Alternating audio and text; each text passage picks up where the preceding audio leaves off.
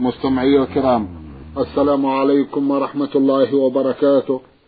وأسعد الله أوقاتكم بكل خير. هذه حلقة جديدة مع رسائلكم في برنامج نور على الدرب. رسائلكم في هذه الحلقة نعرضها على سماحة الشيخ عبد العزيز ابن عبد الله بن باز الرئيس العام لإدارات البحوث العلمية والإفتاء والدعوة والإرشاد. مع مطلع هذه الحلقة نرحب بسماحة الشيخ ونشكر له تفضله بإجابة سادة المستمعين فأهلا وسهلا بالشيخ عبد العزيز. حياكم الله وبارك فيكم. حياكم الله. أولى رسائل هذه الحلقة رسالة وصلت إلى البرنامج من إحدى الأخوات المستمعات تقول لام ألف باء. أختنا لها أكثر من قضية. في إحداها تذكر أن لها أختا تشكو من الوسوسة وخاصة في الوضوء وترجو من سماحة الشيخ أن يدلها على العمل الأمثل الذي يمكن أن يكون عونا بإذن الله على الشفاء من هذا المرض. جزاكم الله خيرا. بسم الله الرحمن الرحيم. الحمد لله وصلى الله وسلم على رسول الله. وعلى آله وأصحابه من اهتدى بهدى أما بعد هذا المرض وهو مرض, وهو مرض الوسوسة يشكو منه كثير من الناس من الرجال والنساء. والعلاج له هو التعوذ بالله من الشيطان لأنه من نزغات الشيطان ومن أعماله وهو عدو الله. قال فيه سبحانه إن الشيطان لكم عدو فاتخذوه عدوا. إنما يدعو حزبه ليكونوا من أصحاب السعير. قال سبحانه وإما ينزغنك من الشيطان نفسه فاستعذ بالله. إنه هو السميع العليم. فالعلاج لهذا الداء هو التعوذ بالله من الشيطان الرجيم. في الوضوء وفي الصلاة وفي غيرهما. كل ما أحس بشيء من الوساوس يتعوذ بالله من الشيطان يقول أعوذ بالله من الشيطان الرجيم. ويكون عنده القوة والصدق والرغبة إلى الله سبحانه وتعالى. فإن هذا العدو يحتاج إلى قوة وإلى صدق. ولا ينجيك منه إلا ربك الذي هو القادر على كل سبحانه وتعالى. فعلى المؤمن والمؤمنة اللجأ إلى الله بصدق. والاستغاثة بالله يجرهم منه ويعيذهم منه.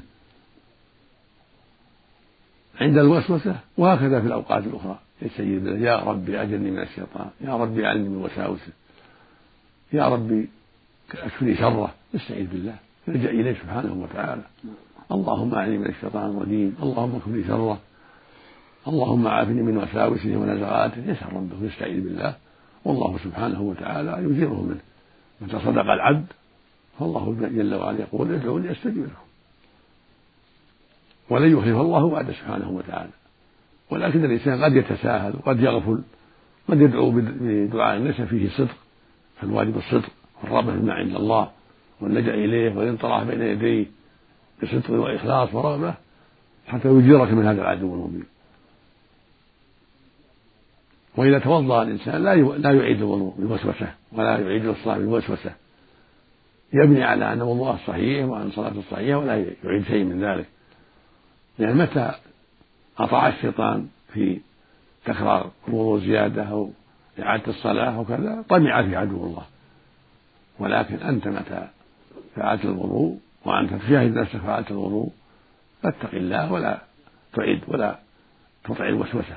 وهكذا في الصلاة كملها ولا تطع الوسوسة. وهكذا في كل شيء. تعاند عدو الله تخالفه نعم. جزاكم الله خيرا. تسأل عن الغبار المنبعث من مكان النجس. هل يعتبر الغبار أيضا من النجاسة؟ لا يضر لا الغبار لا يضر الغبار والدخان لا يضر هذا ما يعفى عنه.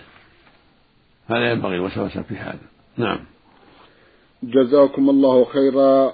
المستمع مليفي موسى أحمد السويرق الصلاحي طالب بمعهد إعداد المعلمين بالليث بعث برسالة وضمنها جمعا من الأسئلة. من بينها سؤال يقول فيه سافرت يوما في رمضان. إلى منطقة تبعد عن المنطقة التي أسكن فيها 380 كيلو متر وأنا صايم. وسافرت في الصباح وعندما وصلت جدة في الثاني عشر ظهرا لم أستطع أن أكمل اليوم فاضطررت إلى الإفطار. فهل علي من من فهل علي من إثم؟ وبماذا تنصحونني؟ جزاكم الله خيرا. المسافر السنة له الفطر والأفضل له الفطر. فإذا سافرت فالأفضل لك الفطر حتى ولو اشتد عليك شيء الأفضل الفطر. ولو كنت ولو كنت مستريحا.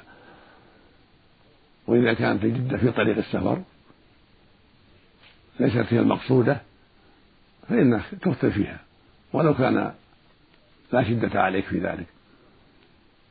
أما مع الشدة فيتأكد الفطر. لقول النبي صلى الله عليه وسلم ليس من البر الصوم في السفر. ولما نزل بأصحابه في بعض الأسفار وفيهم صوام ومفطرون سقط الصوام بسبب شدة الظمأ وقام المفطرون فضربوا الأخبية وسقوا الركاب. فقال النبي صلى الله عليه وسلم ذهب المفطرون وبالعشر أما إن كانت جدة هي المقصود وأنك مسافر إليها فإن كنت تريد الإقامة فيها أكثر من أربعة أيام أتممت الصوم. لأنك الآن في حال الصوم مأمور بالصيام. لا تفطر. أما إن كان في الطريق أو ما أردت الإقامة فيها إلا أقل من أربعة أيام فأقل فلك الإفطار ولو ما اشتد بك الأمر. هكذا السنة. نعم. جزاكم الله خيرا. المستمع ميم ألف ألف من جمهورية مصر العربية بعث برسالة مطولة ملخص ما فيها أن له عم. وقد توفي وخلف بنتين. يريد التزوج بإحداهما إلا أن والدته ترفض ذلك ويرجو من سماحتكم التوجيه كيف يوفق بين رغبته وبين رضا والدته. المشروع لك يا أخي أن ترضي الوالدة وأن تأخذ خاطرها في هذا. أمرها عظيم وحقها كبير. ثبت عن رسول الله عليه الصلاة والسلام أنه قال لما سأله سائل أي الناس أحق بحسن صحبتي؟ قال أمك. قال ثم من قال أمك. قال ثم من قال أمك. قال ثم من قال أبوك. في الرابعة. وفي اللفظ الآخر قال يا رسول الله من أبر؟ قال أمك. قال ثم من قال أمك. قال ثم من قال أمك. قال ثم من قال أباك. ثم الأقرب فالأقرب. فالوالدة حقها عظيم. فالمشروع لك أن تبرها وألا تتزوج امرأة لا ترضاها. لكن إذا كانت المخطوبة امرأة صالحة دينة فلا تعجل واستمر مع والدك في مع الوالدة في المشروع عليها بالسماح لك والتوجه إليها ببعض من تحبهم وتقدرهم من الرجال أو النساء حتى يساعدك عليها لعلها ترضى حتى تتزوج عن رضا من والديك ولا تعجل. فإن صممت ولم ترضى فنصيحتي لك أن تلتمس امرأة أخرى. وسوف يعطيك الله امرأة أخرى ويسهل أمرك بسبب بر أمك. من ترك شيئا لله عوضه الله خيرا منه والنساء سواها كثير. نعم. جزاكم الله خيرا. من الإخوة أحمد إبراهيم علي أبو السعود وعبد عبد القادر الصاوي وسعيد فهيم قطب بعثوا يسألون هذا السؤال. هل يصح لرجل ضعيف في القراءة أن يقرأ القرآن أم أن ذلك محرم عليه؟ المشروع له أن يقرأ القرآن ولو كان ضعيفا في القراءة ولو كان يتتعتع فيها. المشروع المسلم يعتني بالقرآن يقرأ يتعلم ولو تتعتع فإن متى استمر في القراءة؟ تحسنت قراءته شيئا بعد شيء.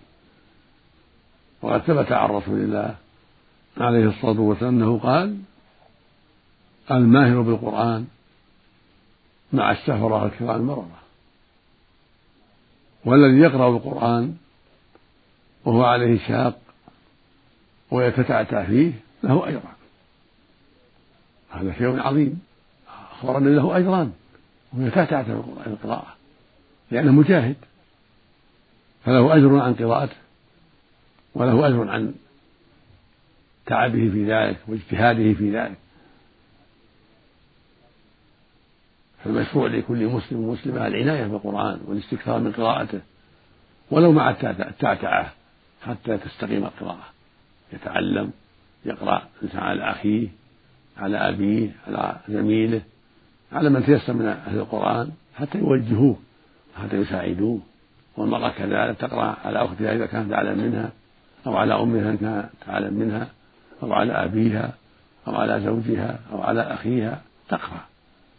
أو إلى معلمة تطلبها أو تذهب إليها بطريقة سليمة حتى تتعلم. ولو تتعتعت فإن التتعتع يزول بمواصلة القراءة. نعم. جزاكم الله خيرا. من المستمع محمود أحمد روسة بعث بسؤال ضمن برسالة وضمنها ثلاثة أسئلة. في أحدها يقول جاء في بعض الأحاديث عن زكاة الركاز. فما هو الركاز؟ الركاز دين الجاهلية. الأموال التي توجد في بعض الخريبات أو في بعض الصحارى من دين الجاهلية. هذه علامة الجاهلية الكفار.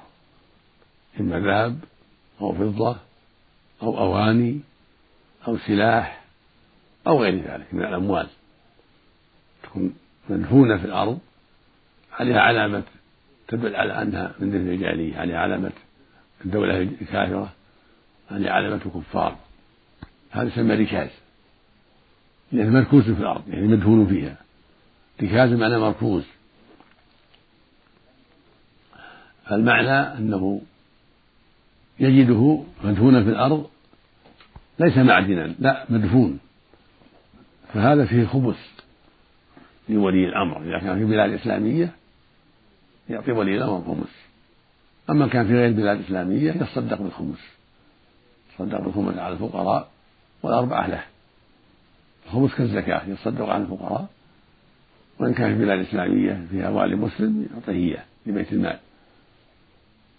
والأربعة الأخماس له. هذا يسمى ركاز. أما المعدن اللي من أصل الأرض معدن ذهب أو فضة هذا لا يسمى ركاز. هذا لمن استخرجه. من استخرجه يكون له.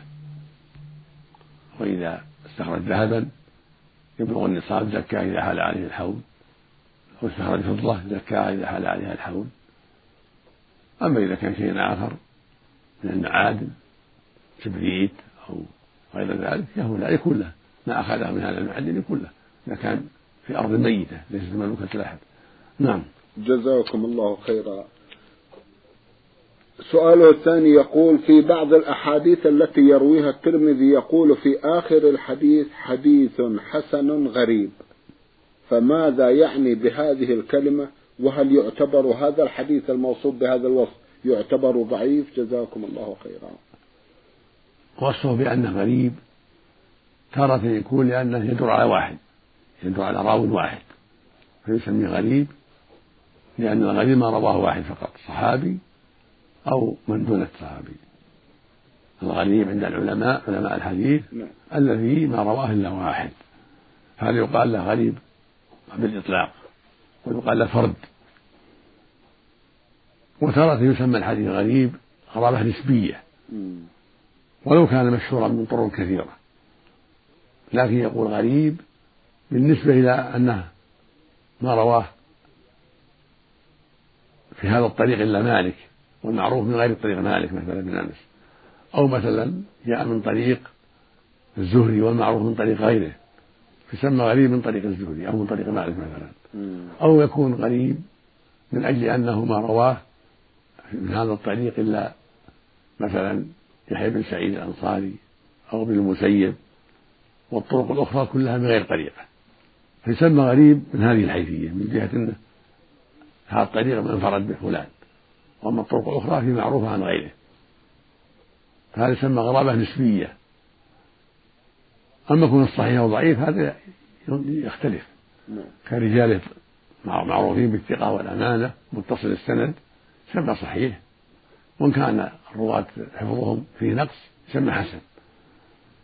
إذا كان الراوي حفظه ليس بكامل يسمى حسن. وإن كان حفظه كامل يسمى صحيح.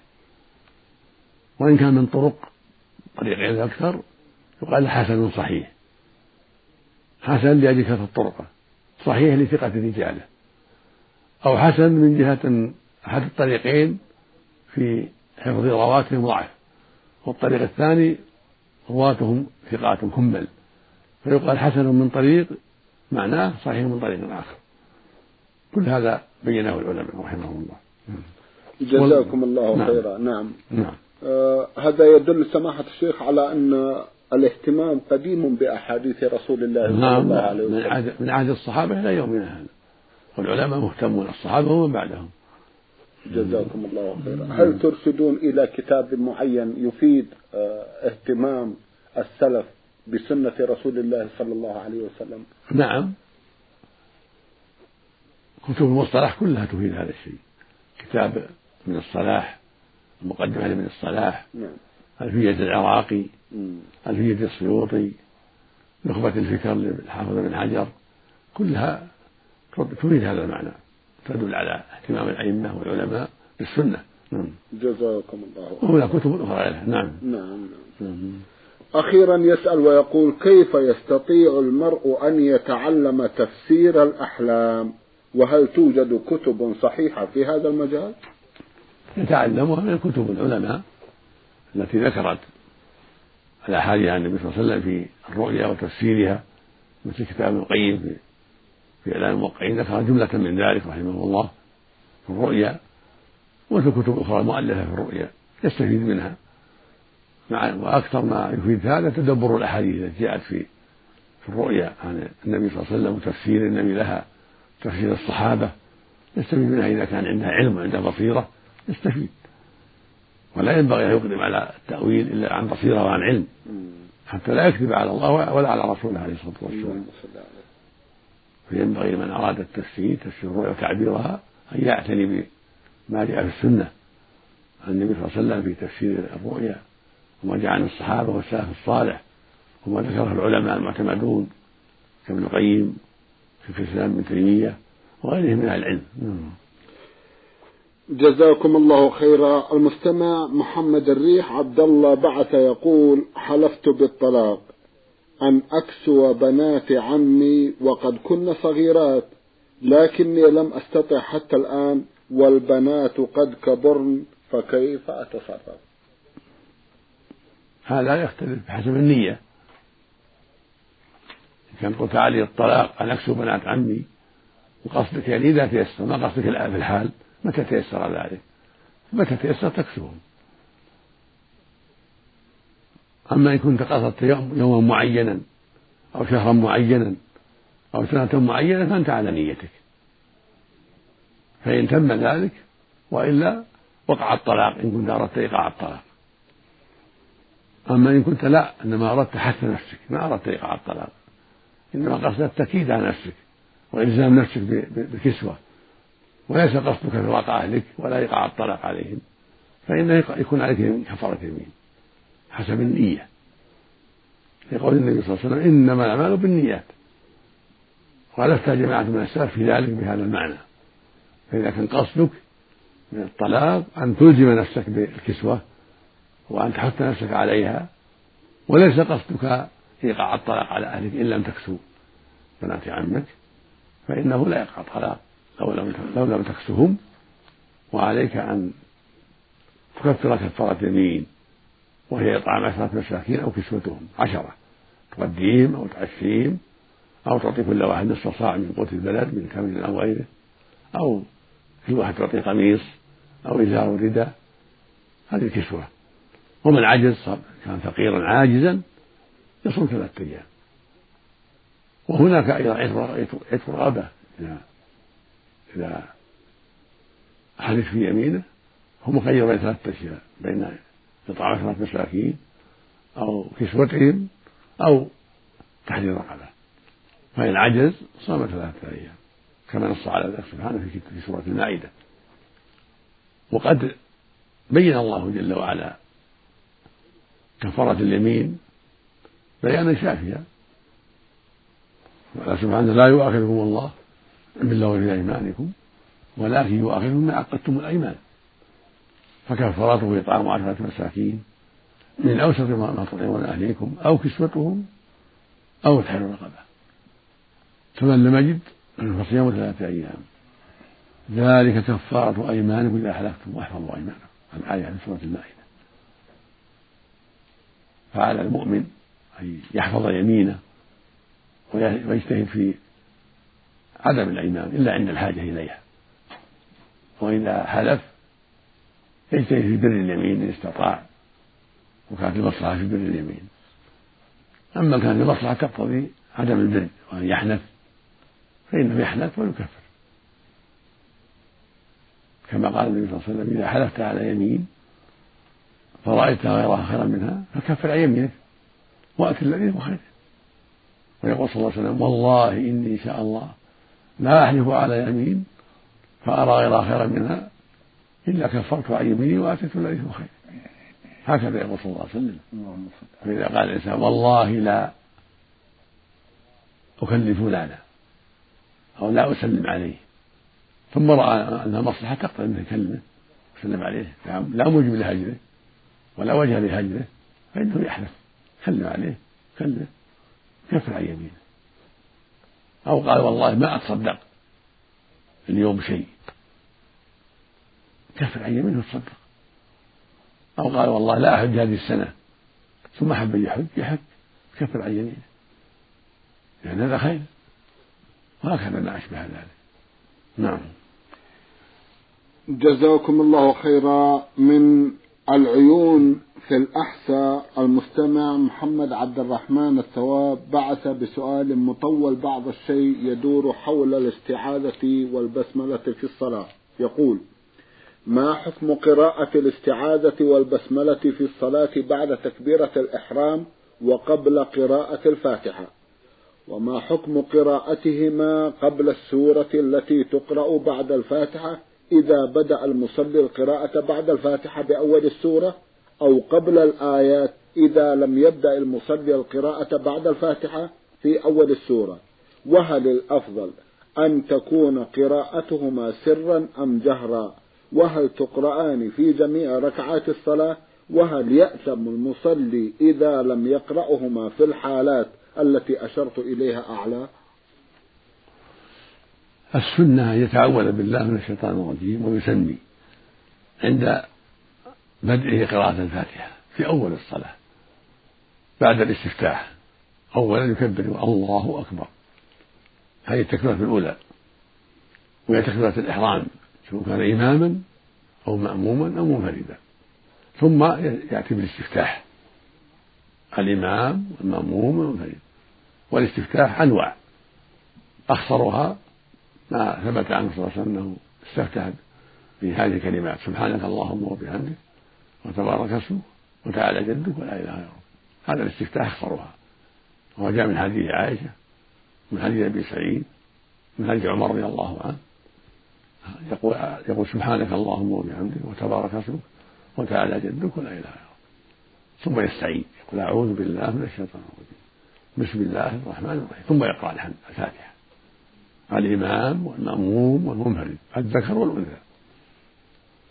وهناك استفتاحات أخرى ثابتة عن النبي صلى الله عليه وسلم وغير هذا. منها قوله صلى الله عليه وسلم في في الاستفتاح في الصلاة اللهم باعد بيني وبين خطاياي كما باعدت بين المشرق والمغرب اللهم نقني من خطاياي كما ينقى الثوب والأبيض من الناس. اللهم اغسلني من خطاياي بالثلج والماء والبرد. هذا ثابت في الصحيحين عن النبي صلى الله عليه وسلم أنه استفتح بهذا. قبل أن يتعوذ قبل أن يسمي بعد الإحرام. وهناك استفتاحات أخرى إذا أتى بواحد منها مما صح عن النبي صلى الله عليه وسلم كفى. ولكن أخصرها وأسهلها على العامة. سبحانك اللهم وبحمدك وتبارك اسمك وتعالى جدك ولا إله غيرك ثم يقول أعوذ بالله من الشيطان الرجيم. أو أعوذ بالله السميع من الشيطان الرجيم. بسم الله الرحمن سرا هذا هو الأفضل سرا. ولو في الجهرية ولو في المغرب والعشاء والفجر يقرأ سرا هذا هو الأفضل. كان النبي يسر بهما عليه الصلاة والسلام. ثم يقرأ الفاتحة. وهكذا في السور بعد الفاتحة. يأتي بالتسمية فقط. ما في حاجة للتعوذ. يكفي في أول القراءة التعوذ. إذا قرأ بعد الفاتحة سورة سمى. وإن كانت آيات من سورة فلا حاجة إلى تسمية ولا تعوذ. يقرأ من دون شيء. يعني التسمية والتعوذ الذي حصل قبل الفاتحة كافي. فيقرأ الآيات من دون تسمية ولا تعوذ بعد الفاتحة. وهكذا في الصلوات الأخرى. جميع الصلوات. يتعوذ عند قراءة الفاتحة ويسمي. ثم بعد ذلك إن كانت سورة سمى بأولها. وإن كانت آيات قرأها من دون حاجة إلى تسمية ولا تعوذ كما التعوذ الأول عند أول القراءة. وفي الركعة الثانية والثالثة والرابعة تكفي التسمية لأن الاستعاذة كفت في أول الصلاة. لأن القراءة في الصلاة كالقراءة الواحدة. تكفي التعوذ الأول. وإن تعوذ في الثانية وفي الثالثة وفي الرابعة فلا بأس. الأمر واسع بحمد الله إن تعوذ مع التسمية فلا بأس. قاله بعض أهل العلم. والصحيح أنه يكفي التعوذ الأول في الركعة الأولى. ويعيد التسمية في عند قراءة الفاتحة في كل ركعة وعند قراءة كل سورة في كل ركعة.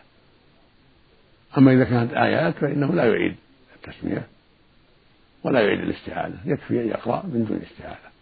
لأن حصلت الاستعاذة في أولها والتسمية عند أول السورة والآيات لا يسمى في أولها ما يشرع إنما يتعود عند أول القراءة بالآيات يتعود بالله من الشيطان الرجيم. لقول الله سبحانه فإذا قرأت القرآن فاستعذ بالله من الشيطان الرجيم. وإن سمى فلا حرج في أول الآيات.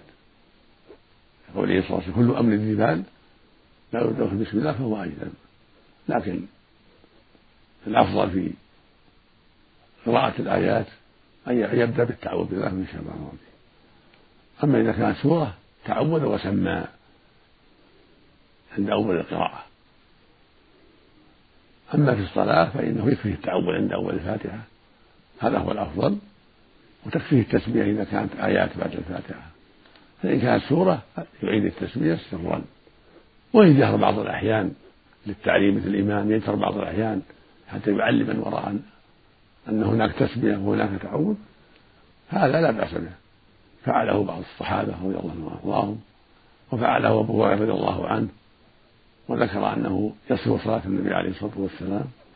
فإذا فعل الإمام بعد ذلك يعني جهر بالاستعاذة حتى يسمعه من حوله أو بالتسمية حتى يسمعه من حوله بعض الأحيان للتعليم فلا حرج في هذا. نعم. جزاكم الله خيرا. إذا قرأ من وسط سورة التوبة فهل يسمي سماحة الشيخ؟ بعد الفاتحة لا يحتاج تسمية. لكن بعد الفاتحة نعم. أما في هذه الصلاة إذا قرأ يتعوذ بالله من الشيطان الرجيم. يبدأ بالتعوذ. نعم. في البراءة في براءة وبالآيات يبدأ بالتعوذ. وإن سمى في غير أول براءة فلا بأس. أما في أول براءة السنة التعوذ فقط. طيب. أما في وسطها فلا بأس. إن سمى فلا بأس والتعوذ كافي جزاكم الله التعوذ كافي نعم. جزاكم الله خيرا. يسأل أخونا ويقول ما هي الأعذار التي تجيز للمسلم التخلف عن حضور صلاة الجماعة في المسجد؟ الأعذار؟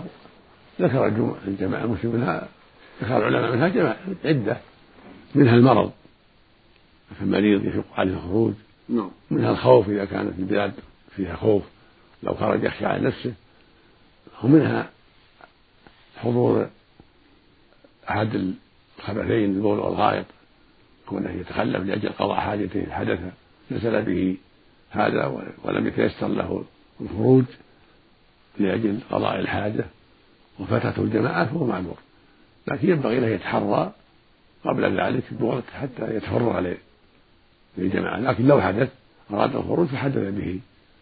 حدث البول أو الغائط فإنه مأمور بالتخلص منهما. لقول النبي صلى الله عليه وسلم لا صلاة بحضرة الطعام ولا وهو يدافع الأخبثان منها لو حضر الطعام بين يديه؟ فإنه يبدأ به. لا يتخذ عادة يقدم الطعام حتى يتخلف عن الصلاة. لكن لو قدم بين يديه في بيته أو عند بعض من استضافهم فإنه يبدأ بالطعام ولو فاتت الجماعة. فهذه من هذه من الأعذار ومنها لو كان بعيد ما يسمع النداء. مساجد بعيدة عنه. ما يسمع النداء هذا عذر أيضا. أما إذا كان يسمع النداء يلزمه أن يجيب من طريق الصوت العادي. أما من طريق المكبرات قد يسمع من بعيد ولا يلزمه لأنه بعيد. نعم. لكن إذا كان بالصوت العالي من غير مكبر يسمع عند هدوء الأصوات يسمع عليه يجيب. لقول النبي صلى الله عليه وسلم من سمع النداء فلم يأتي فلا صلاة له إلا من عذر. أو كان في البلد يجيب لأن البلد لو خدعت الأصوات سمع. فعليه يجيب ويصلي مع الناس ولا يتأخر. جزاكم الله نعم. خيرا. سماحة الشيخ في ختام هذا اللقاء أتوجه لكم بالشكر الجزيل بعد شكر الله سبحانه وتعالى على تفضلكم بإجابة السادة المستمعين. وآمل أن يتجدد اللقاء وأنتم على خير. نرجو ذلك. نعم. مستمعي الكرام كان لقاؤنا في هذه الحلقة مع سماحة الشيخ عبد العزيز ابن عبد الله بن باز. الرئيس العام لإدارات البحوث العلمية والإفتاء والدعوة والإرشاد. شكرا لسماحته. وأنتم يا مستمعي الكرام شكرا لحسن متابعتكم. وإلى الملتقى. وسلام الله عليكم ورحمته وبركاته.